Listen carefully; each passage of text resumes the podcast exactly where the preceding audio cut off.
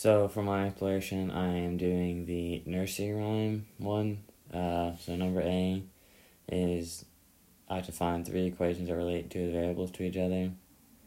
Uh, w equals number of wives, s equals number of snakes, c equals number of cats, and k equals number of kits.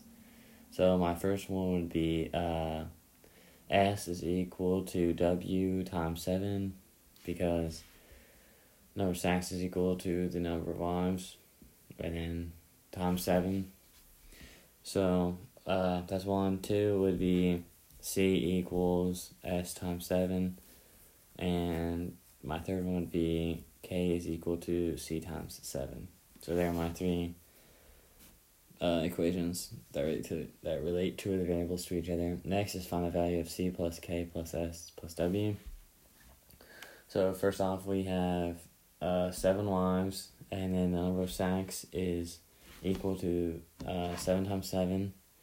That's forty nine. So seven plus forty nine, and then we have three hundred forty three cats because forty nine times seven, three hundred forty three.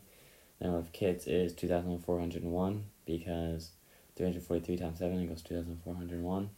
And then I'll add all that together, and that is 2,800. So value is 2,800. And then C, what is the answer to the riddle?